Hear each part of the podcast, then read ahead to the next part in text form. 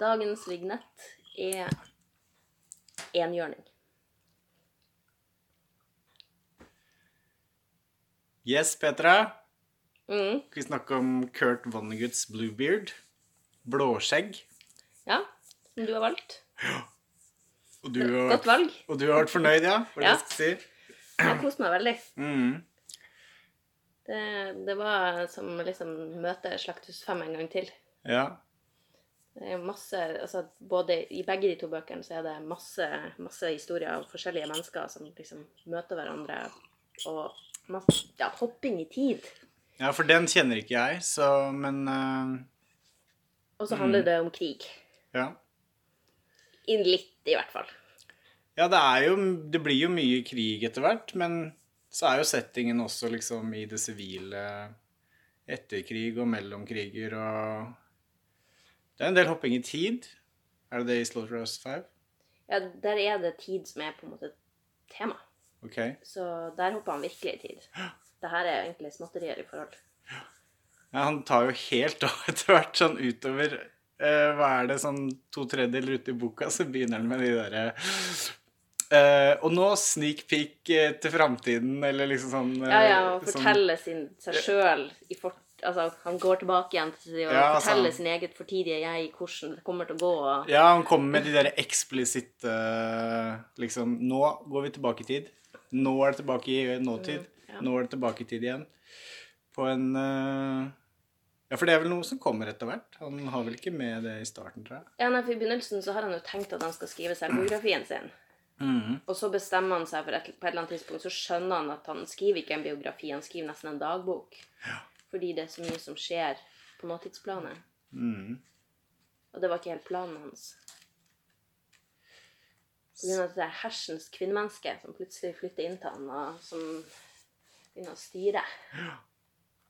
Det anerkjenner han vel ganske fort at det var noe han hadde godt av også. Samtidig Ja. som han eh, stritter imot også, da, fra første stund. Så det er veldig blanda. Ja, nei, det, men den er boka er jo dedisert til henne. Ja. Så, han, eh, så vi vet jo fra starten av at han kommer til å gjete. Det er det han skriver på, på norsk, så står det mm, Denne boken er tilegnet Sirke Be- Berman. Er det mer å si? Jeg vet ikke hva som står på engelsk. Nei, og så lurte jeg bare på liksom Sirke, åssen er det vi uttaler det? Så jeg har vel bare sagt Cirque. ja, Ja, det er sikkert Cirque. Cirque Berman. Det er jo uansett uh, ikke et navn jeg har hørt, så uh, Nei, og det er jo veldig den stilen, da. Det du nettopp sa. Det er jo den stilen han skriver i mye, liksom. Altså Jeg syns det liksom det det er mye av den derre Ja, er det noe mer å si? Altså Han har vel den derre tilegnelsen til faren sin nå, var det ikke det? Først? Har den tilegnet til far nå? Ja, altså som er før boka Han har uh, I denne engelske utgaven, i hvert fall, så er det We are here to help each other get through this thing, whatever it is. Dr. Mark Vonnegut, MD, Letter to Author, 1985. Så det er faren, tror jeg. Ja, faren har skrevet til han, ja. Ja, s- men, men det er altså ikke en del av boka, da. Det du skrev, er jo det boka begynner med. Altså Det her er jo Ja, men det er et fint sitat. Ja, Det sier jo mye, om hva boka handler om, da. Ja, det er, det er det der liksom Ja, hva er livet? Nei, det vet vi ikke. Men det har mye innhold, i hvert fall. Ja, og vi skal komme gjennom det sammen. Ja, ikke sant? Ja. Så det er en litt sånn Uhåndterlig er et ord jeg har brukt et par ganger i det siste, og det er jo liksom en del størrelser. Livet selv og en del av livets innhold som vel kan beskrives som uhåndterlig. mm, I hvert fall når du, hvis du går inn på forfatterens arena, da, altså, eller kunstnerens arena.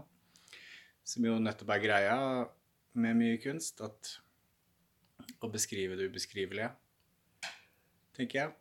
Ja. Og det er jo det han liksom ofte, syns jeg, da, i den boka her liksom eksplisitt lander på. At liksom Nei, nei. Det er som det er, og det er liksom ubeskrivelig, da. Mye ja, altså at kunstens oppgave egentlig er umulig. det går han jo også ganske direkte inn på, syns jeg. Mm. Han diskuterer jo masse For han har jo både mm, protagonister og antagonister i disse diskusjonene om eh, abstrakt ekspresjonisme, som jo er et stort tema. Og det er jo den klassiske moderne debatten som lever i fullt velgående nå. Det liksom hva er kunst, hva er ikke kunst, og uh, at det er nok av folk i dag også som uh, kan gå inn og knapt finne mening i noe som helst hvis de går og ser på utelukkende den moderne kunst. da. Mm. Sånn postmoderne greier med Men syns du han ender der? At han sier på en måte at det er den figurative kunsten som er den egentlige kunsten? Jeg syns jo han Nei, han er mye mer åpen. Mm. Jeg syns han er veldig glad i alt. Jeg syns han liksom ender opp med å verken fordømme popkulturelle tenåringslitteraturen eh, eller eh, Eller det motsatte. Eller, altså, han lander ikke på noen side. Eller han er på en måte for alt, tenker jeg. Ja. Alt har sin rolle, alt har sin plass, og han er veldig lite dogmatisk, syns jeg, i sin ja. Jo, jeg er enig med deg i det. Samtidig så syns jeg jo at han, at han på en måte kanskje sier noe om at historien, fortellinga, eh, er, og kommunikasjonen er noe av det viktigste i kunsten, da. Ja. At han Fordi han ah, det, det, det, Dette blir jo en spoiler uansett. Vi kan jo ikke snakke om denne boka uten å snakke om hva som er i den der vi, loven. vi spoiler så mye vi Ja, vil. ja, ok, fint. Altså, fordi han, han har jo fra starten av, så sier han jo at, at uh, den her loven som han har nede på eiendommen sin, at der skal ingen gå inn før etter at han er død. Ja. Og så er jo hun han, eh, Så det er jo spenning-. Det er jo et spenningsmoment for oss leserne òg, da. Ja, ja, helt til Fra- slutten, nesten. Det er jo helt på slutten at, at han da Ja. ombestemmer seg, og så tar Ja. han med fru Berman ned der for å Mm. vise, fram, vise fram hva han har i loven. Mm. Eh, og det bildet som han har malt eh, der nede, et sånt gigantisk bilde ja. eh, Jeg tenker at det på en måte er litt sånn analogt til boka, da. Ja. Fordi det bildet inneholder så ekstremt mange mennesker, og hvert eneste menneske på det bildet har han tilegna en historie. Ja. Sånn at hun kan peke på hvem som helst. De liksom de minste er sånn knappenålstor, liksom, men man har malt de i detalj. Mm. Og alle har sin historie. Så uansett hvem hun peker på, så forteller han historien til det mennesket. Um, og og det, det er jo da litt som du sier, at det, kunsten kan ikke gripe det, for det er så svært. Det, livet er så stort og uhåndterlig at det lar seg på en måte ikke avbilde. Mm. Og så har han likevel kanskje avbilda det i det bildet. Fordi ja, det er altså så jævla innholdsrikt, liksom. ja, ja. Eh, og at det er litt sånn med boka òg, at den har så mange ulike menneskeskjebner vevd inn i hverandre. At den på en eller annen måte griper kaos, da. ja. Så du, som du sier, han er åpen for alt, men samtidig så er det kanskje nettopp det at Ja, også, dette er alt, da, som Ja. på en eller annen måte griper kaos. Nei, jeg er uh... Ja, jeg er jo enig i at han Han gjør jo noe jeg vet ikke om man kan kalle det positivistisk da, med det verket sitt. At uh, altså uh, Det er en sånn positiv holdning overfor kunst, da. Mm. Som jo er mye av hans funderinger og mye av det han har vært uenig med folk eh, og diskutert med folk opp gjennom åra. Hva er bra, hva er dårlig, og retninger som er meningsfylte. Og så lager han dette crazy verket som vel er rimelig sjangersprengende og um, Ja. Og så syns jeg det er en ganske sånn artig omvendt bevegelse der òg. Fordi at, at han jo i den låven da, som hun ikke får lov å gå inn i, så har han dette bildet. Mm. Eh, men tidligere, når han var ung og jobba for han her illustratøren, som var så Ja, hva han var Ifølge denne narrativet her, da, så var denne illustratøren en av de mest eh, anerkjente i verden, og den flinkeste av de flinke. Ja. Um, og han er, har jo da, i likhet med Mussolini og de andre fascistene, eh, lagt non-figurativ og moderne kunst for hat. Ikke Ja. sant? Ja. Og så nekter han å gå i Museum of Modern Art. Litt på samme måte som han nekter herr her Berman å gå inn i låven. ja. Sånn at når han går inn i låven, det forbudte, liksom, så går han inn i den moderne kunsten. Mens når hun går inn i låven, så får hun et figurativt bilde. Mm. Sånn at det er jo litt sånn snedig, da. At, at det går litt i sirkel. Du kan ikke helt vite hva han egentlig mener om det. ja. Nei, her syns jeg du har litt sånn språk for noe som jeg kanskje opplevde, jeg også, men eh, ikke har klart å formulere helt sånn. Jeg leste den jo ferdig tidligere i dag, og og var, var litt Det var litt ja. Altså, det var eh, kanskje litt mye som skjedde, egentlig, på de siste 100 sidene, og kanskje det gjelder hele boka. Så det ble faktisk litt sånn derre ja, Jeg bruker jo begrepet å lande helt, liksom. Ja. Altså, jeg men, jeg- men jeg landa jo jeg, jeg var veldig redd for å lande, egentlig, rett Mm. før avslutninga. Og så var jeg egentlig veldig fornøyd med avslutninga. Kan du lese den på engelsk? Det siste han sier. Jeg husker ikke. Nei, det er derfor jeg sier du lese det på engelsk. Den helt siste setninga. Jeg er nysgjerrig på hvordan den er, så jeg, siden jeg har lest den norske oversettelsen. Ja. Oh, happy meat. Oh, happy soul. Oh, happy Rabo Karabekian. Ja, så kult! Det var mye bedre på, Ja. på, på norsk, så er det Bruker han begrepet kjøtt, eller? Ja. Og lykkelige kjøtt og lykkelige sjel. Ja. Og lykkelige Rabo Karabekian. Ja. Ja, det blir litt mer sånn uh, Oh, happy blir litt bedre enn Oh, lykkelige, kanskje. Ja, jeg syns egentlig det.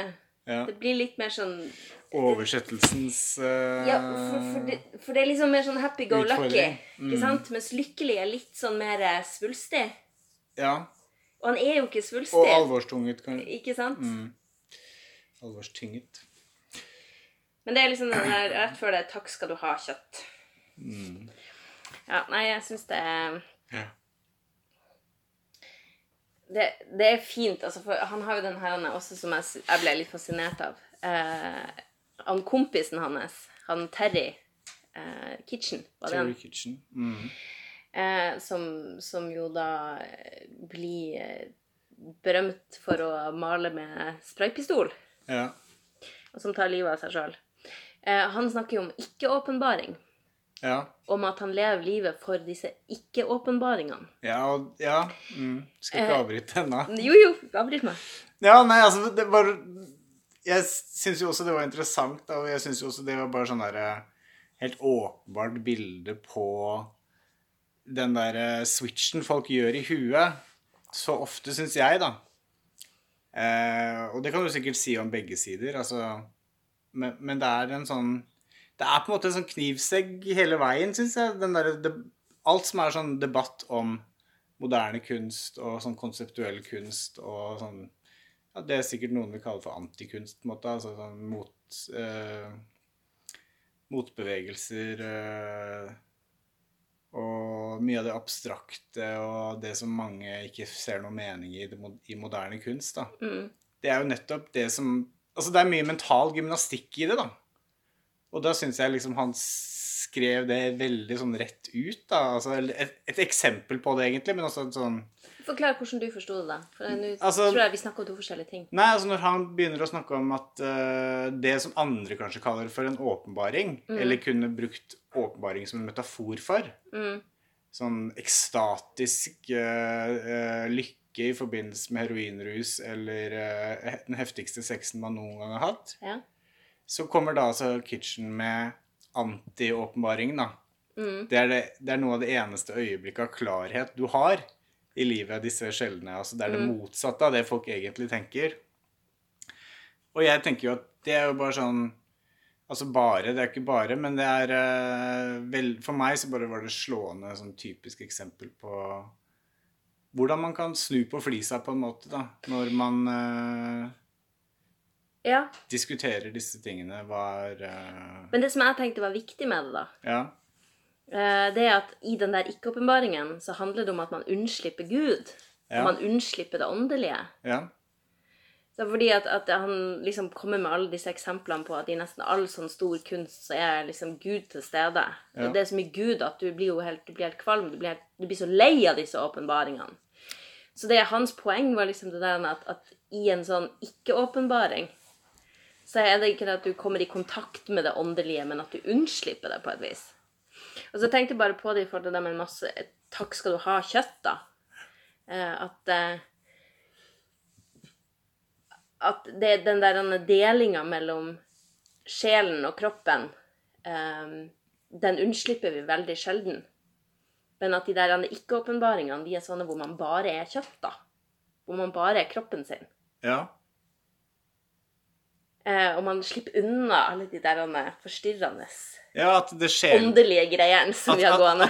Ja, at det sjelelige er knyttet til det guddommelige, eller liksom forholdet til det guddommelige og ja, overordnede ting, da. Mm, altså, Mens uh, det er uh, Kitchen prøver å si at uh, det er jo ikke noe som er bedre enn å slippe den der dvelingen ved Og hvordan han forbinder det med kunsten. At han sier at liksom at, at Kitchen blir helt sånn tom i øynene når han står der med spraypistolen sin. Ja.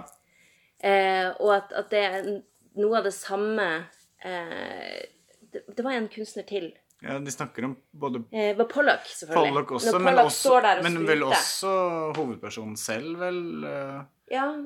Er vel inne på det, at eh, liksom når når de utøver gjerningen sin. Mm, når de er liksom på det rette stedet. Når ja. de virkelig liksom er i ett med kunsten. Da har ja. de Da er de i zen, eller hva du kan kalle det. Sånn helt altså. sjelløst, da. Ja. Da er de bare liksom Da bare gjør de. Ja. Ja, ikke sant? Det er det man kan diskutere om det er sjelløshet, da, men, men, her er det jo nettopp disse som beskriver det som det selv, da. Ja. Og Nei, jeg er enig i at uh, Jeg syns det var fascinerende. Ja, jeg syns det er morsomt, og, men jeg syns likevel ikke det var mer nytt. Altså, det var kanskje en veldig fin måte å si det på, men, mm. men da jeg leste det, så var det liksom Det var likevel noe gjenkjennelig i det som jeg, liksom, som jeg knytta til den derre Eh, det jeg ser på som den debatten som går mellom folk, og som også jeg har med meg selv da, når jeg skal på en måte Ja, hvis jeg forestiller meg i hodet mitt og forsvarer det, Jeg vet ikke hvorfor jeg gjør det, men det gjør jeg relativt ofte. Forestiller meg i hodet mitt at jeg forsvarer moderne kunst. For, for mennesker som er skeptiske til det. Ok. Eh, og jeg har jo ikke noe sånn veldig bra eksempel på hva det er jeg kommer med da, men Men uh, mm. Og da forsvarer du det med ikke-åpenbaring? Nei. Det, er, altså, det var jo interessant å, kom, mm. å, få nye begreper som man eventuelt kan se om man kan innlemme i den der forklaringa der, da.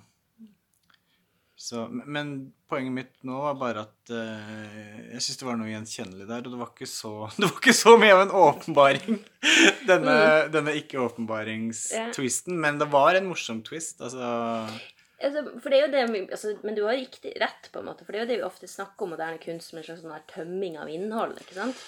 At det skal bli helt meningsløst. At ja, det skal jo, ikke kommunisere. Det er jo ofte sammenlignet med sånn hyperrealistisk detaljmalerier, maleri, eksempel, da, mm. som jo var noe av det som kom i hvert fall et par steg tidligere i kunsten. Altså, sånn som jeg oppfatter kunsthistorien, så hadde på en måte kunsten kulminert nesten sånn med fotorealisme.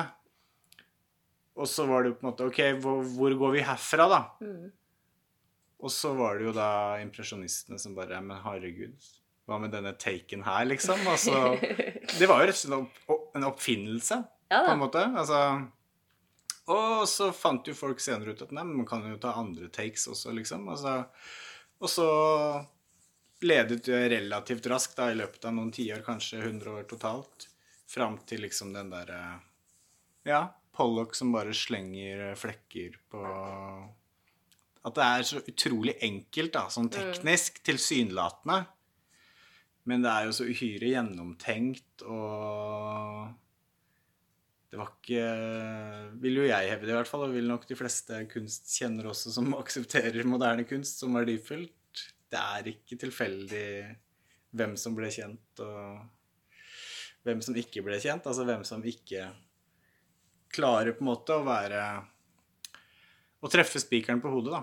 Mm. Med denne Det som jo ofte er enkle verktøy og Altså det er simplistisk på en måte, da, i sin utførelse. Det er jo mye mer på det konseptuelle plan og tankegymnastikken at det funker på, da. Tenker jeg. Mm. Men det er jo også en sånn Selv om ofte kanskje tankegymnastikken Altså, de på en måte bruker den jo nettopp til å ja, gjøre noe enkelt, da. Altså fjerne eksempel fjerne tankegymnastikk. Altså fjerne Fjerne seg fra det kompliserte, da. Som jo kanskje kan være en del av uh, mye analyse ofte. Mm. Ja, nei, jeg syns det var morsomt måten Mari-Li, hun eh, som hadde vært eh, Mary-Lee? Ja, hun ja, som liksom var den, der, den eh, store Ja, hun blonde eh, Altså hadde vært kjæreste med han illustratøren som mm. Rabo jobba hos. Ja. ja. Og som han, Rabo, hadde hatt et forhold til, så vidt det var. Ja. ja. Ja, i hvert fall så vidt det var seksuelt, men betydelig mer jo, da, Et ordentlig jo, forhold sånn De hadde jo hatt et langt De har veksla brev og På et mellommenneskelig nivå også. Ja, mye i brev og sånn, men også jo i en, hvert fall en periode så bodde de jo sammen og Ja, og gikk på det moderne museet sammen. Ikke sant? Som de ikke fikk lov til å gå på. Jo. Eh, men, men, i alle fall, hun sier jo, eh, når hun begynner å kjøpe eh, disse bildene av Rabo mm. Seinere, da, etter, etter andre verdenskrig, mm. Eh, så sier hun jo et eller annet om at, at hun mener at det liksom er slutten på kunsten, da. Fordi det er så tomt at det, liksom, det er ikke noe det, det, er et uttrykk som på en måte har slutta å kommunisere. At, at, de har sagt et slags sånn punktum. Eh, og at hun syns det, det, er så passende å ja. fylle det palasset sitt i Italia med disse bildene som ikke sier noen ting. Som ja. et slags sånn eh, eh, gravmonument over menn, da. Ja, nei, jeg bare jeg, jeg, husker det mer Jeg vet ikke om jeg husker feil, men jeg opp, lurte på om jeg oppfatta det mer som ja, Kanskje mot menn mye, men også veldig disse mennene som har hatt oppfatninger opp igjennom da, om hva som er bra kunst. Var det ikke mye direkte knyttet mot dem?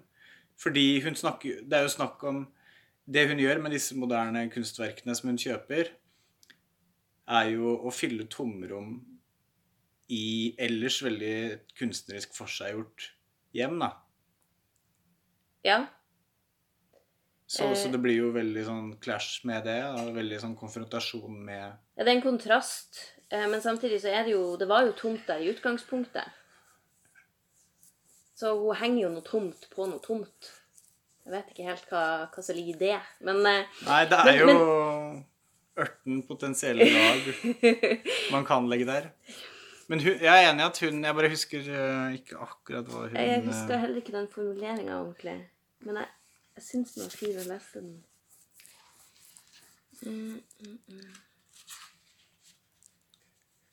Ja, nei, hun skriver jo Hun sier at de maler bilder av ingenting. Men så seinere så skriver hun at At hun lett kan kjenne igjen kaos på samtlige lerreter. Jeg sa hun ikke det nesten med en gang? Nei tre år etter at de har sett hverandre, så skriver hun at de ikke har klart å male bilder av ingenting. At hun lett kan kjenne igjen kaos på samtlige lerret. Så den første gangen så sier hun at eh, Skal vi se, hvor står det, da? Jeg tror jeg har funnet noe. Ja.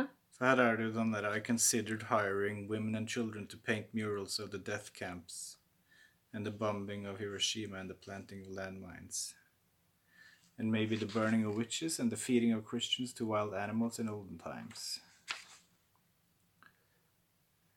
But I think that sort of thing, on some level, just eggs men on to be even more destructive and cruel. Makes them think, ha! We are as powerful as gods. There has never been anything. There has never been anything to stop us from doing even the most frightful things, if even the most frightful things are what we choose to do. So your idea is a much better one, Rabo. Let men come into my rotunda, and wherever they look at eye level, let them receive no encouragement. Let the walls cry out. The end. The end. Nettopp. Det var ganske kult, sant? Ja, det er jo Og det er jo for at hun sier Litt tidligere så sier hun jo sånn veldig ironisk Kvinner er så ubrukelige og fantasiløse, ikke sant? Det eneste de kan finne på å plante i møkka, er frøet til et eller annet vakkert eller spiselig. Det eneste de kan komme på å kaste på noen, er en ball eller en brudebukett. Og det er etter at hun har liksom snakka om hvordan de kaster bomber på hverandre og mm. Ja. Nei, det er uh... Du skjønner hvorfor jeg mente at den er feministisk? Ja, det er Jeg kommer jo til det tyngre partiene sånn sett etter at du skrev det, da. Ja. Så, for jeg syns jo ikke det er noe så åpenbart i starten av boka at, uh... Nei, det kommer litt sånn at, han går i den, at han går i den retningen. Det er jo Det er jo hun her, fru Berman, da, helt fra starten, som, eh, som er den kuleste, kuleste karakteren. Ja, som kommer og gjør vei i vellinga, da. Mm. Bokstavelig talt, holdt jeg på å si. altså. Så jeg tenker at det kanskje er en slags sånn eh, oppvåkning. At han på en måte våkner litt samtidig som leseren gjør. At vi får liksom være med på, Mm. Ja, jeg syns jo på hans forståelse av at kvinner kanskje Jeg har noe syns jo, jeg boka er skrevet veldig sånn åpent mot leseren, da. Syns ikke det er så mye lurerier der. Syns det er ganske ærlig i samtale med, mot leseren. Syns du det er noe han holder igjen på i starten, som han lar Ja, men sånn, altså det der med feminismen, da. Altså det at han, at han At det er det han vil, ja?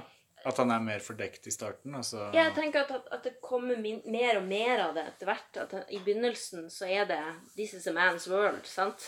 Han bor der alene på gården sin, og kona er død, og Ja. han har gått ifra ho- kone nummer én og sønnene sine, og han har liksom bare han der han er forfatterkompisen å henge med. Ja. Og han er jo så rik, så han er jo helt materielt uavhengig, liksom, så Ja, og tjenere som fikser alt for han, liksom. Mm. Så, så han har jo en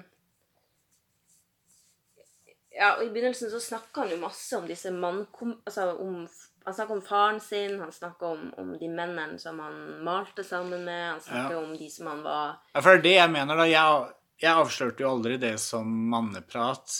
Jeg syns det var veldig menneskelig prat, da.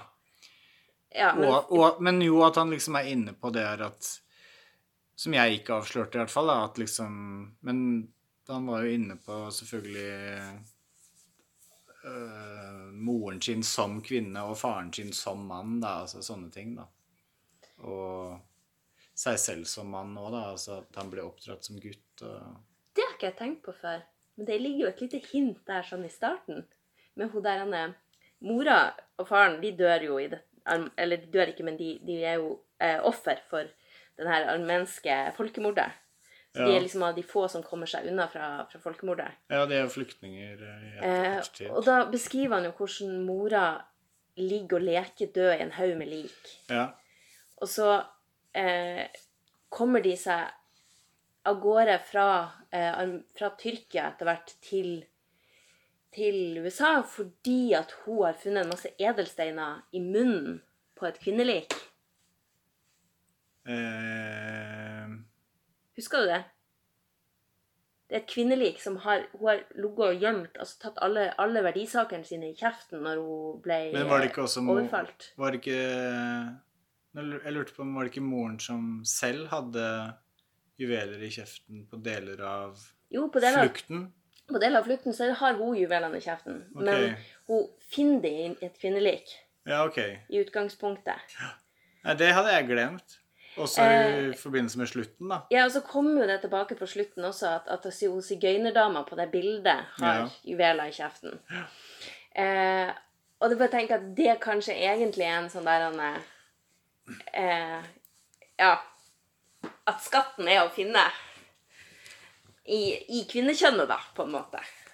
At det er en sånn der er, Oi, Her det kommer fra. Det var veldig Det var veldig Ja, det er snart 8. mars, da. Ja, ja, men altså, det er jo det er bare damer som har de der juvelene i kjeften. Ja.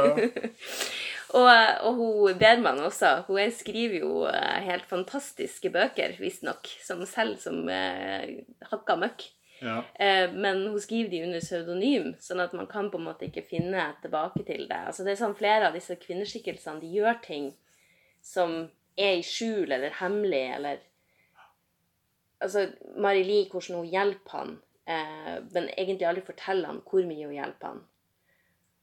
Altså, det er masse sånne eh, konstellasjoner, da. Hvor, hvor damene på en måte egentlig er de som får ting til å gå videre, og er den handlende, men det er litt det er, ja, uten å ta noe plass. Uten å ta ære for det. Ja, uten å ta den uh, æren for det, enten de vil eller ikke, holdt jeg på å si. Altså. Mm. Men jeg vet ikke om jeg ja. Jeg, vet, jeg vet ikke om jeg først og fremst tenker helhetlig på hele boka Mm. som et feministisk verk, da, men jeg er enig i at uh, Jo, jeg tror det, altså. Jeg er enig i at uh, betydelig Betydelig del av det, da. For han bygger på en måte, som du sier, at du i begynnelsen så ser du det ikke, ikke sant? Han lurer deg på en måte inn i handlinga. Og får deg til å tro at du skal lese en mannefortelling om krig og kunst.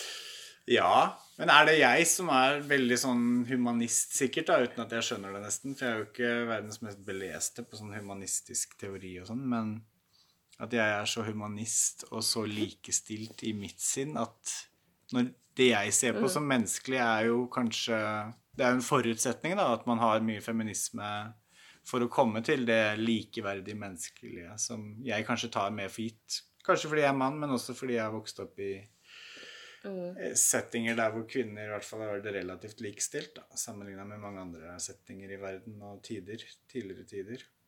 Men se på tittelen, da. Var det sånn at du ikke hadde hørt det eventyret? Ikke fra før av, Nei. og jeg husker det jo ikke nå. For det er jo så tidlig, så For, for Bluebeard, eller Blåskjegg da på norsk, han Så jeg kan jo heller Jeg kan ikke det her eventyret. Altså, jeg, jeg har bare en sånn Nei, jeg husker ikke hvor mye, hvor mye han går inn i det. Han, han, han forteller det, de viktigste tingene ved det. Ja. Litt sånn tidlig i boka. Og det er jo også et sånn type frampek, da. For det er jo eh, Han Blåskjegg, han rider Blåskjegg, han driver jo og gifter seg med jomfrua. Og så når de er gift med han, så sier han du må ikke gå inn i det rommet. Det rommet som, som ser sånn og sånn ut. Den var det, ja. ja. Og så gjør de jo selvfølgelig det, fordi når du får beskjed om at du ikke skal gå inn et sted, så går du jo inn der. Selvsagt. Og bak den døra så er jo alle de tidligere brudene hans. Og hver gang de går inn i rommet, så blir de drept. Sånn at idet hun åpner døra, så underskriver hun sin egen dødsdom. Og så er hun da, blir hun en av kvinnelikene. Men Var det annerledes for den første? Det er ikke så godt å si hvordan han drepte den første. Det forteller ikke eventyret noe om. Nei, altså, Det er uansett forbudt, da, men hun avslører jo i hvert fall ikke et kvinnelik. Men uh... Men det vet vi jo ikke. Det kan godt være at det var noe annet hun avslørte, eller at hun, han bare drepte henne ved et uhell, eller whatever, liksom. Men poenget er uansett at, at det eventyret forteller vel om den dama som bryter den sirkelen, og som klarer å ta han. mm, Eh, sånn at disse forbudte rommene i boka, de spiller jo på det eventyret. Um, og hun, Berman hun tuller jo med det også. Å ja, kanskje det er masse kvinnelik på den låven din, liksom. ja. Er det flere forbudte rom? Eller er det er vel låven? Ja, men det er jo også, som jeg snakka om i stad, eh, at de får ikke lov å gå på Museum of Modern Art. Ja. Eh, og det, det er jo idet de går inn der, så eh, på en måte Ja, er sant. underskriver de sin egen dødsdom. Ja, For da må de, blir de kasta ut av han illustratøren og får ikke lov Mm. å bo der lenger. ikke sant? Det hadde nok vært veldig åpenbart hvis jeg hadde lest boka i litt mer enn i løpet av en kort periode. For nå hadde jeg glemt det der eventyret. Og... Men det er jo helt banal likhet, da. Ja, men det som, som At de blir nekta å gå inn på MoMA, så Ja. mm. Men i alle fall, da. At det er en sånn Den um, Det eventyret som en ramme på boka forteller jo på en måte at her er det Hvis vi tenker på, på blåskjegg som en bilde på mannen, da, Ja. og bruden som et bilde på kvinnen, så er det jo at hun har blitt drept og drept og drept og drept og drept og drept og drept, og drept, og drept. Men på et eller annet tidspunkt så snur hun seg, og så dreper hun. Ja. Det er hennes tur. Ja. Og det heter jo det bildet som henger der i den låven. Mm. Now is the woman's turn. ja. Så kan jo det være Jeg tenker det kan jo være dobbelt. Altså På den ene måten så kan du si at nå er det kvinnene sin tur til å overta verden og til å få gjort noen ting. Men det kan jo også være at fordi det er det krigsbildet det er, da. Eh, og på det bildet så er det jo også noen kvinner som gjemmer seg nede i en kjeller, og som vet at de kommer til å bli voldtatt snart. Ja, den syns jeg var uh... Eh, og det, sånn er det jo med enhver krig. Ja. Eh, at når, eh, når de er ferdig med å drepe vond, hverandre det var så utrolig vond, den derre Helt sånn der matter of fact, liksom måten han beskriver det på. Der nede er de kvinnene som ikke er voldtatt ennå, og som sitter og håper altså de, bare, de vet at det kommer til å skje, men de sitter og spiser rødbeter og rotfrukter i kjelleren og utsetter de i det lengste. Mm. Nei, det var uh, Sånn at- var der var det noe sånn Sånn at den der 'now is the woman's turn' kan jo også bety at snart er det deres tid til å lide.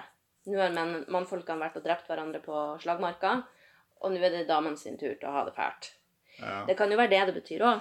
Ja, der, den tolka ikke jeg, men jeg er enig i at uh, hvis man er på tolkeren, så Ja, ja, litteratur skal tolkes. ja, ja, ja. Ellers er det ikke noe gøy. Mm. Men mener du at han kanskje er, er der? At han han brukte det begrepet som kan tolkes dit hen også? Ja, jeg tenkte jo at det var den der dobbeltheten i det. På den ene sida så Jeg skjønner jo ikke helt den, da, fordi hvis du snakker om krig og sånn altså de Kvinner lider jo ganske fra starten av i en krig. Ja, og de får Om, ikke noe om, de, ære for det. om de så ikke er soldater Mm. og får akkurat den soldatlidelsen, så får de jo alle typer andre lidelser og uh, Så jeg skjønner jo ikke helt den sånn sett, da. At det liksom Ja, altså Den vil jo være mer på overflaten, tenker jeg, den Jeg er direkte uenig i den tolkningen. Ja, men altså, det er jo en helt eksplisitt sak, sant? For sånn er det jo. Altså, Idet soldatene, de sovjetiske soldatene kom inn i Tyskland og hadde på en måte Nå var Tyskland okkupert. mm. Så gikk de jo løs og voldtok hver eneste tyske dame som var i mils omkrets. Ja. Eh, så det var jo ikke Det er ikke noe far-fetch, tenker jeg. Det er jo en helt sånn eksplisitt tolkning av det bildet.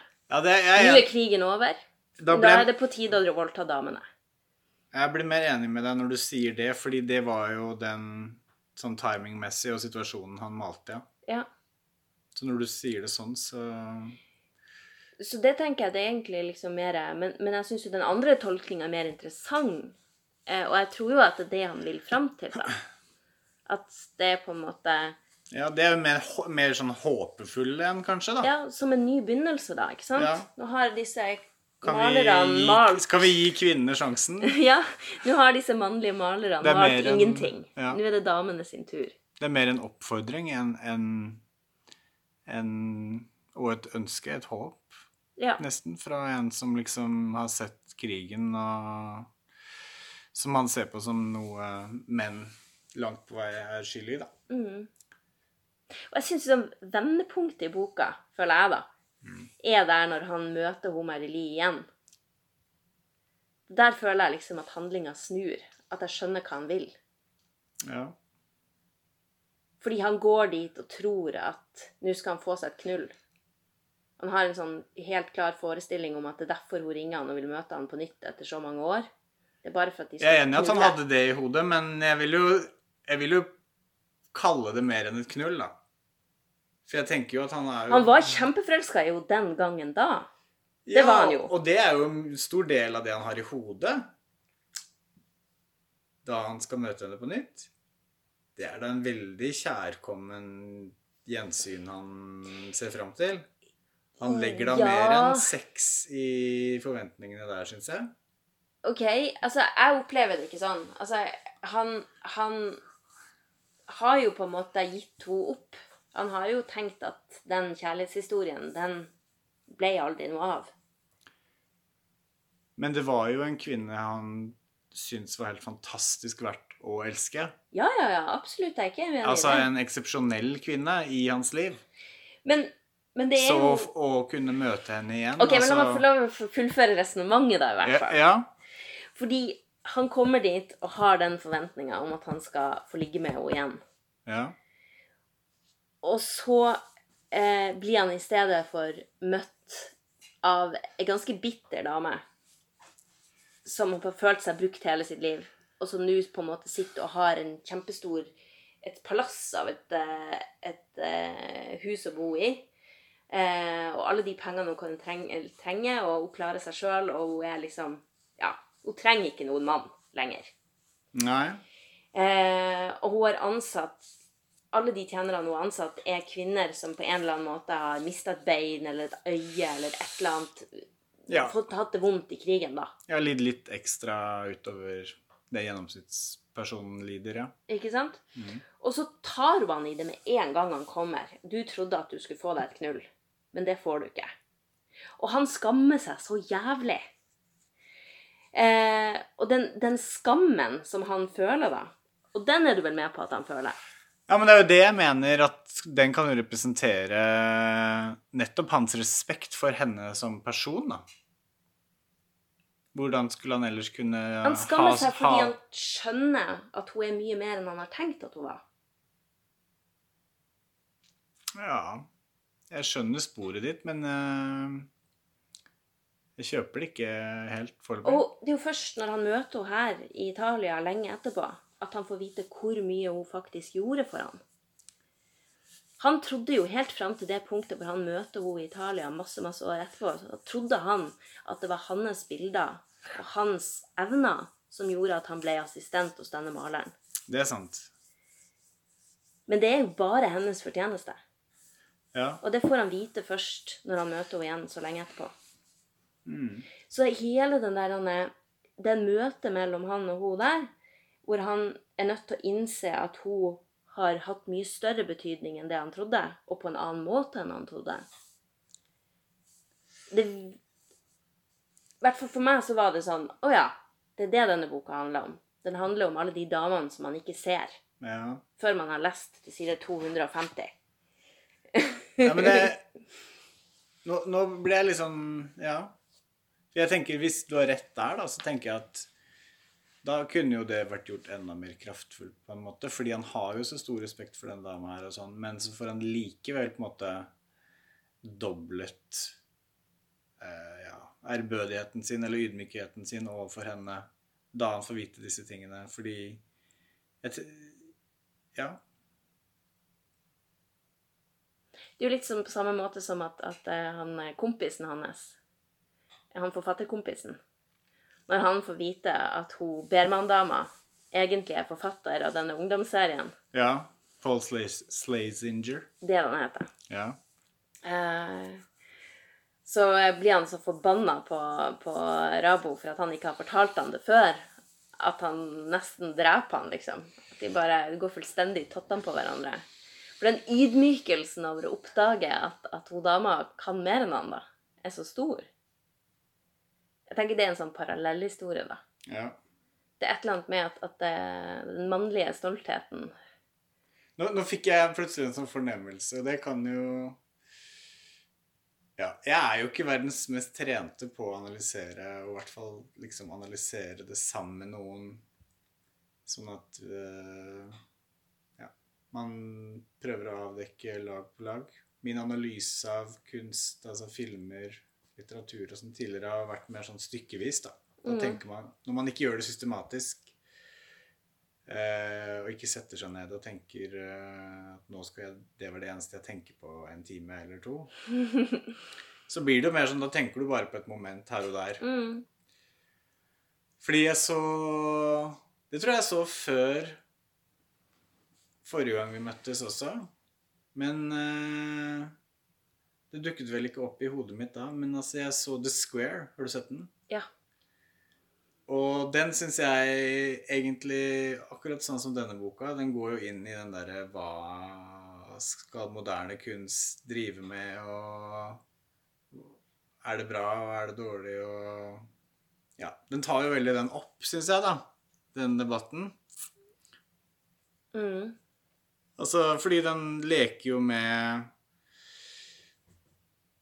Ja, den er jo moderne kunst, spør du meg, da. Sånn klassisk uh... nå, nå, kan vi ikke komme med en sånn full analyse av den nå. Men i hvert fall ja. mitt poeng nå er at uh, uh, Jeg blir noen ganger frustrert over om det så er klassisk kunst, altså premoderne kunst, eller om det er moderne og postmoderne, eller hva det nå er, så blir jeg jo, jeg blir, jeg blir, ofte frustrert over kunst, enten det er film eller bok eller eh, maleri mm. eller hva det er, eller konseptuell kunst, som, som uh, har for mange vendinger, da, kanskje. Eller for mange lag, eller uh, For jeg syns det er noe Det var kanskje det jeg likte med det maleriet han lager på slutten. Mm. Det kan jo selvfølgelig også ha mange lag, det har vi vært inne på. Ikke minst bare, bare tittelen på det kan jo ha ja, ja. flere lag enn man liksom kan være Jeg syns det er noe feigt. Jeg sier ikke at uh, Jeg vil ikke kritisere et enk enkelte kunstverker for å være tvetydig og ha sånn Og ikke lande på konklusjoner og sånn, eller uh, Men uh, Eller være for fordekte da i sin kommunikasjon av hva ja. det er kunstneren vil med det. Men jeg syns uh, f.eks. The Square var et sånt eksempel på at her var det kanskje Den varer jo to timer og 40 minutter. Mm. Og jeg vet ikke om jeg var uh, Jeg tror jeg var litt sliten den kvelden, men det var så intenst, syns jeg. Mm. Og det er jo særlig noen scener som er helt uh, Ja, det var særlig den derre uh, Gorillascenen. Den gorillascenen. Som jo er jo en sånn kulminering. Det er ikke helt avslutningen, men det er jo en kulminering av intensiteten, spør du meg, da. Og jeg syns den var helt fantastisk. Helt jævlig, liksom, men helt fantastisk, da. Mm.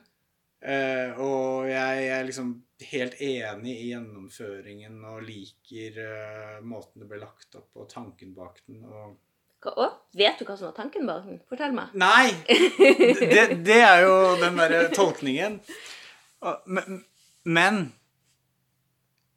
sett i lys av hele filmen, så er det bare sånn Jeg hadde tålt det så mye bedre og, og hvis de hadde kutta ut en av de andre storylinene, på en måte, eller en av de andre branchene som, som er en del av filmen, da. Fordi det blir for mye. Mm. Og det er noe jeg har kjent ofte. Ikke at jeg har vært den som har gått mest, men det har jeg kjent flere ganger når jeg har gått på Astrup Fearnley og Henny Onsdag og sånn, at eh, Jeg er sikkert godt over gjennomsnittet følsom person generelt. Men altså om, om, jeg så har en helt eh, stressfri og uthvilt og fin dag, så kan jeg bli Kan jeg synes at det fort blir for intenst, liksom. Altså sånn mm. eh, og, og, som liksom Jeg lurer på om jeg kritiserer enkeltverker òg, på en måte, eller utstillinger som helhet, da, i at de bringer for mye på banen. Ja, altså jeg kan være enig med deg når det gjelder Square. Eh, fordi den Den føles ikke enhetlig. Altså når jeg gikk ut derifra, så hadde jeg så kaotisk mange tanker på en gang. og der var jeg, bare for å skyte inn det fort der var jeg da hadde avslutta Bluebeard i dag. Okay, Selv om jeg var ok fornøyd med mm. landa litt, så ja. syns jeg den hadde vært litt mange steder i løpet av mm. Jeg er mm. helt enig med deg, men jeg føler jo at den på en måte gjør et poeng av at den er mange steder. Og at, som du også var inne på, at han faktisk han ender litt der han starta. Han tar opp igjen trådene sine. Mm. Mens det som var med The Square, det var at jeg følte at den tråden som var viktigst for meg, i hvert fall. Jeg vet ikke om det var det som, som de, de, hadde tenkt skulle være viktigst, men det handla om, om tiggerne. Og hvordan skal man forholde seg til tiggerne? Skal man hjelpe dem, eller skal man overse dem, eller skal man bare snakke om dem, eller Og hvordan skal man snakke om dem? Ja. Nei, jeg syns jo det var for mange tråder, rett og slett. da. Eh, og hvis jeg Og når jeg liksom hadde gått hjem og vært jeg, Det var kaotisk i hodet mitt, men når jeg liksom hadde tenkt mye på det Og det syns jeg var bra med den filmen. Ja. Den fikk meg til å tenke. Det var mange scener der som, som på en måte fortsatt er sånn som jeg kan tenke på. ja. Sånn at han løp, er ute der og leter i søpla eh, etter den lappen. Ja, ja. Eh, fantastisk scene, syns jeg. Alle de der, han er- bare måten det er filma på, med alle de liksom, fargerike søpla rundt han, og regnet, og han som sånn, graver seg sjøl ned i dritten. sånn bokstavelig talt, liksom. Og Ja. virkelig komme til den bunnen som det går an å komme til. Ja, nei, men uansett, poenget mitt var at eh, når jeg først begynte å tenke på det, så klarer jeg liksom å få hele filmen til å handle om tiggere. Eh, sånn at det er jo noe med den Når man har et sånn Når den er så åpen, når den tolkningsrommet er så stort, eh, så er nettopp den der eh, analysen etterpå da, mye artigere. Og Derfor så syns jeg egentlig at det var ok. Og det fortalte meg noe om kunst, da.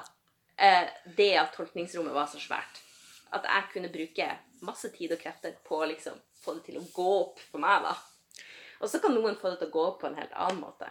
Men det jeg tenker da, er at er du ikke, hvorfor, er du da på, hvorfor er du da nødvendigvis på et endepunkt i dine egne resonnement? Kan du ikke risikere å begynne å fundere videre på den? Jo, jo, altså, jeg kan begynne å fundere- og så kommer du ut av uh... Men jeg kan finne et annet tolkningsspor å forfølge. Det er jo, men det blir jo bare en ekstra gøy, da. Ja, men, men, at du også, men at du også taper det, det der eh, landa inntrykket du da hadde på et eller annet tidspunkt. da. Ja, Men hvorfor må man lande? Altså, jeg trodde litt Nei, jeg er enig i det. Jo, nei, men, jo Mm, det er kanskje nettopp det som er poenget mitt. Jeg syns at kunst må tørre å lande inntrykket på en veldig, veldig sånn enkel måte. Av og til. Og jeg syns det er en sånn sjeldenhet, da. ja. Jeg syns ikke Jeg syns det blir sånn slitsomt når det alltid skal være tvetydig eller multilayered og ehm, Men, men samtidig, når, når vi snakka om Sommerfugldalen, så var det jo nettopp det du syntes var fint med den. Det var jo at den ikke landa. At den var en sånn sommerfugl som fløy rundt, og så landa den på nye plasser. Og så var den liksom ikke Den, den var ikke i ro. Ja, nei, jeg, jeg skal ikke krangle på det. Jeg bare, jeg bare husker ikke helt hva mindsetet mitt var um, da. Så Og innvendinga di mot Hemingway var også at han var for enkel igjen. Men, men apropos altså, Når det gjelder Sommerfugledalen, så tror jeg det er den der naturlige settingen og den der sammensmeltinga i naturen som, som på en måte Den er jo Så lenge den er eksplisitt, så trenger jeg ikke lande noe mer utover det, på en måte, da. Altså, så lenge landskapet er Altså, hun er, veldig, hun er jo veldig klar på at en måte å se på livet på er øh, at alt henger sammen. Ikke sant? Ikke, ikke at, at det er det, men at det kan være det. Hun er jo veldig Men er ikke han også veldig klar, da? På at eh, vi vet ikke hva vi skal her i verden, men vi skal være sammen. Ja, men eh, det er kanskje jeg som er mer ukomfortabel når du går på sånn virkelig det løfta teoretisk-filosofiske planet, da, som jo eh, jeg tenker eh, er det mest eh, ekstreme punktet, og der man kanskje ofte diskuterer abstrakt ekspresjonisme og sånne hypermoderne ting, da. Eh, og som kanskje Kurt Vonnegut driver med i Bluebeard. Eh, mens jeg er mye mer komfortabel med å lande på meg som en del av naturen, da. Og at naturen som helhet kanskje ikke er noe som er helt forståelig. Man lander kanskje ikke helt, men jeg er veldig komfortabel med å se på meg selv som en, noe som flyter sammen med naturen, da. Men når du snakker om større perspektiver, på en måte, altså mer teoretiske Sånn som Jeg, jeg syns ikke det er noe komfortabelt, liksom, å drive med de mest ekstreme sånn, sånn Jeg kan ikke tenke meg å studere filosofi, da, Mm. for å si det sånn. Men jeg kunne sikkert trives egentlig innen visse grener av filosofien. Som er liksom mer konkret. eh, Logikk. Hit eller dit, eller Men eh, Men eh, når ting blir liksom for teoretisk, da. Det er kanskje noe Og det er jo ja, Da er vi inne på den derre kjøtt mot sjel, kanskje, litt, da. Mm. At jeg, jeg er veldig sånn Selv om jeg ikke ser så veldig på det skillet der som så eksplisitt, så er jeg jo Ja, jeg er jo kanskje Ja, nei, at jeg eh, Ja, nei, det er, er enklere å tenke på sommerfugledagen at jeg eh, trives med tanken på å bare være en del av naturen. Da. Mens eh, Som er Som har sant, Det har noe metafysisk over seg på en måte, men det er også veldig konkret. da. Men, Det er, det er et hjem, på en måte. ja, nei, jeg skjønner hva du mener. Men Ja. kunst skal jo ikke være behagelig. Jeg tenker, Da kan jeg svare akkurat like eksplisitt. Kunst skal ikke nødvendigvis være ubehagelig. jeg vet ikke. Jeg vet ikke. Jeg tror, jeg tror det kunst skal være litt ubehagelig. Den skal poke litt i deg. Den skal liksom forstyrre deg litt. At, at hvis du ikke skaper kunst som, som gjør at du er nødt til å tenke, eller på en eller annen måte skifte litt perspektiv, eller sånn, så er det jo interessant. Jeg er mye mer i den båsen at fra den mest konseptuelle og høytravende og multilayered og relativistiske og filosofiske, eller hva du kan kalle det, eksperimentelle kunsten, ned til den banale dekorasjonen, så har du et flytende spekter, da. Ja, ja, åpenbart. Og jeg er veldig glad i å på en måte befinne meg på forskjellige deler av det spekteret til forskjellige tider. Og poenget mitt er at jeg orker ikke å bare være i den ekstreme enden. Jeg syns det er slitsomt hvis man går på et moderne museum, og så er man bare i den mest hyper eh, liksom spørrende, grublende Mm. Skal ikke lande Skal, ba, Ja. skal bare poke i deg. Så, ja, nei, men det er jeg med på. Det er jeg enig i. så Man skal få lov å underholdes litt også. Ja, eller bare trive hånd... Altså liksom digge håndverk. Altså det kan være eksepsjonelt håndverk i noe, som er helt åpenbart. Og så kan det derre multilayered eller konseptuelle og det spørrende, det pokende, være litt mer en sånn forsiktig del av det. Det trenger ikke være en så eksplisitt gravende del av det. Sånn som eh, jeg var og så på Var det og så på den derre hodeskallen? Den derre Nei, jeg så den aldri. hva er den heter? For the love of God, eller et eller annet? Um, jeg var og så på den. For det er jo så spesielt, da. Mm. Og, og det er uh...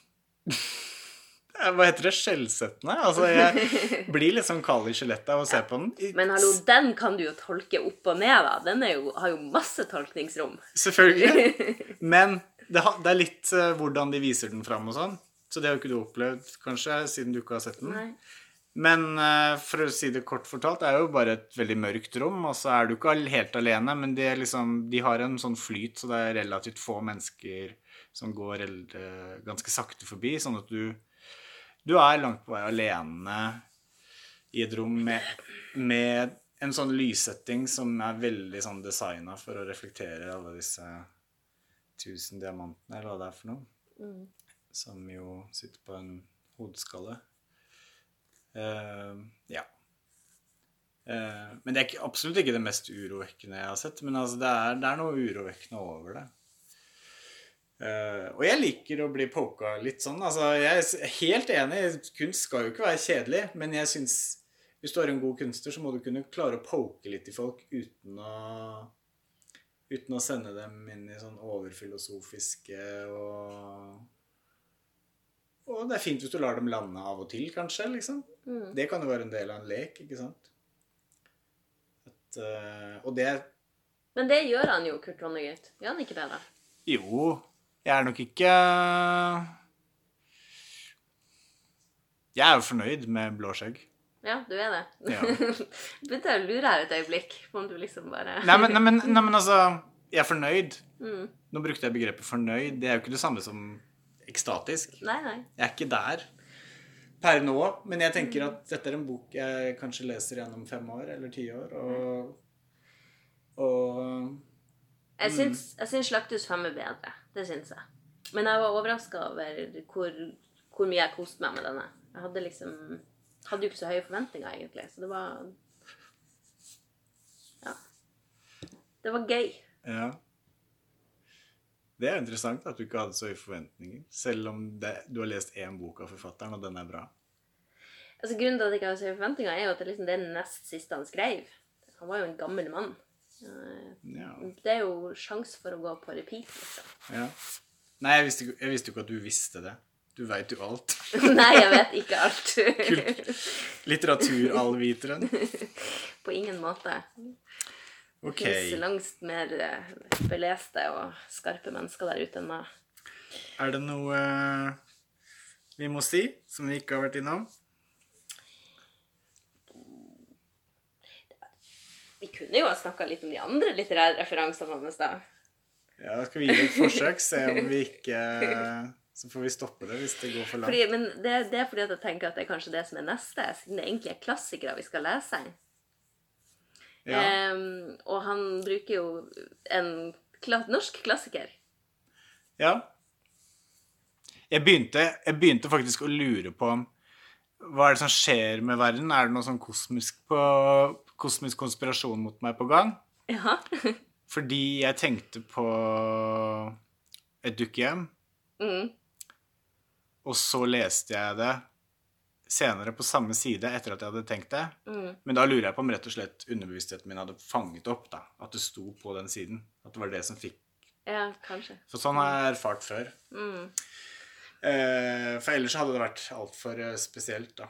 Ja. Men jeg har på NRK TV-appen så har jeg Fjernsynsteatret registrert som favoritt. Og... og du har sett dette ikke dukkehjem mange ganger? Nei, jeg har sett veldig lite av det. Det her er noe som jeg For å si det sånn, man hadde jo ikke smaken for fjernsynsteatret da man vokste opp og var en uh, sports- og musikkinteressert ungdom. Mm. Så Så da han begynte å spoile den Nå, nå kjenner jeg vel den egentlig, da, fra før av. Men han, spoil, han spoila jo avslutninga med en gang. Det var jo det, det, var jo det han gjorde. Men ja. uh, dukkehjem er vel interessant, selv om du vet hvordan den ender, tenker jeg. Altså, Jeg trenger ikke å lese et dukkehjem, jeg kan lese noe annet av Ibsen. Ja. Men jeg tenker at, at, jeg hadde lyst til å bare si det om, om et dukkehjem. At jeg bare underbygger nok en gang mm. at dette er en feministisk bok. Ja. For det er ja, jo også, i hvert fall det, og også det Mary Lee sier om den, da. Ja. Er det ikke Mary Lee? Jo. Ja. Hun er veldig eksplisitt på at uh, det var jo helt urealistisk. Nettopp, selv om et dukkehjem er vel også Det er basert på en sann historie. Men det regnes som en feministisk uh, Ja. Mens det Marilee sier, er jo at uh, det er da for noe sprøyt mm. Med sin i etterpåklokskap, da, altså fordi hun lever 100 år etter um, Ibsen, så begynner hun å tenke på de praktiske det praktiske mulighetsmarkedet for Nora da hun går ut døra. Og at det var ikke-eksisterende. Eller hun er ja, ja, Du var rett, rett ut i rennesteinen og døde. ja, hun er mildt sagt skeptisk, skeptisk, til at det skjer noe annet enn et selvmord, eller Ja, det er vel det hun lander på. Ja, og så sier hun at Nora skulle bare blitt og gjort det beste ut av det. Mm. Og det er jo det hun sjøl gjør. Jeg tror at uh, hun uh, kanskje jeg har mer til felles med Nora enn det hun sjøl uh, eh, tenker på det tidspunktet. Ja. Ja, for det som er med Mary Lee, da, som jo er veldig sånn Blir en sånn feministisk sterk figur på slutten, er jo at uh, hun virker jo litt sånn Virker veldig satt. Eller hun virker ikke så veldig um, filosoferende, da, over sin rolle. Og jeg tenker når du ikke filosoferer over en rolle Jeg vet ikke om det er noe symbolikk i det, men altså når du ikke filosoferer over en rolle Altså hva ting betyr, så kan det alltid få sånne utilsiktede konsekvenser, da. Hva tenkte du? Kanskje utilsikta konsekvenser får det på slutten? Nei, kanskje Jeg vet ikke om jeg beskrev det bra nå, men kanskje nettopp som du nettopp sa, da, at hun er mye mer lik Nora enn hun ser selv. da. At hun, at hun mens, sant, som, som det alltid er i livet, det er veldig vanskelig å se seg selv. da. Mm. Og Marilee er jo i en situasjon der hun er, kjører på som en sånn veldig mektig enke etter en uh, count, en greve. Homofil sådan. Ja, altså, så, han, så hun hadde jo Fordi det var et fornuftsekteskap, så hadde hun makt allerede fra inngåelsen av ekteskapet. Uh, altså en makt som uh, hun i hvert fall har som enke, da. Mm. Da hun råder over hele formuen. Bortsett fra eh, Hun kan vel ikke Hun har ikke rett til å arve den bort, da, eller Men eh, Nei, poenget mitt nå var bare at, eh, som du sier, da, at hun kanskje ikke ser uh... Altså, jeg tenker jo at hun gjør som Nora, da. At hun bryter jo faktisk ut. Hun klarer jo faktisk å lage et liv for seg sjøl. Til slutt. Ja. Det tar bare litt lengre tid. Mm. Ja, Det jeg mener nå, var kanskje det der at Ja, man bryter ut, men så sier jo Marilee at liksom kanskje det beste hadde vært å bare bli der og så gjøre det beste av det. Så det er jo det også, at samme hvor feministisk du er, så må du uansett velge din plan of action. Og det er ikke gitt hva som er det beste i lengden, da. For deg, verken for deg selv eller for kvinnestanden som helhet, da. I hvert fall ikke alltid. Mm. Ja, det er sant. Men eh, har, du, eh, har du noen Ibsen-stykker som du har lyst til å lese? Noe som du liksom har tenkt at det må jeg jo lese en eller annen gang? Nei, altså Nå er vel jeg så lite inne i Altså, du, du, du vet jo noen. Nå er jo jeg så lite inne i litteraturens verden at jeg kan vel bare noen titler, men jeg Ja. Men det er vel dukkehjem først og fremst som jeg kjenner til noenlunde handlingen i. Jeg har vel vært gjennom Hva er den heter for noe? Den derre andungen? Villanden. Villanden. Mhm. Det er vel noe jeg sikkert eh, husker raskt hvis jeg leser det på nytt eller noe. Men det jeg prøver å si, er at jeg leser jo gjerne noe jeg ikke kjenner til fra før av. Ja, altså fordi Per Gynt er, er, jo noe som er nytt for meg. Per Gynt er jo en sånn klassiker som Per Gynt er faktisk noe jeg kjenner veldig dårlig til. Ja. Altså de konkrete som skjer. Ja. Skal jeg Per Gynt? Ja.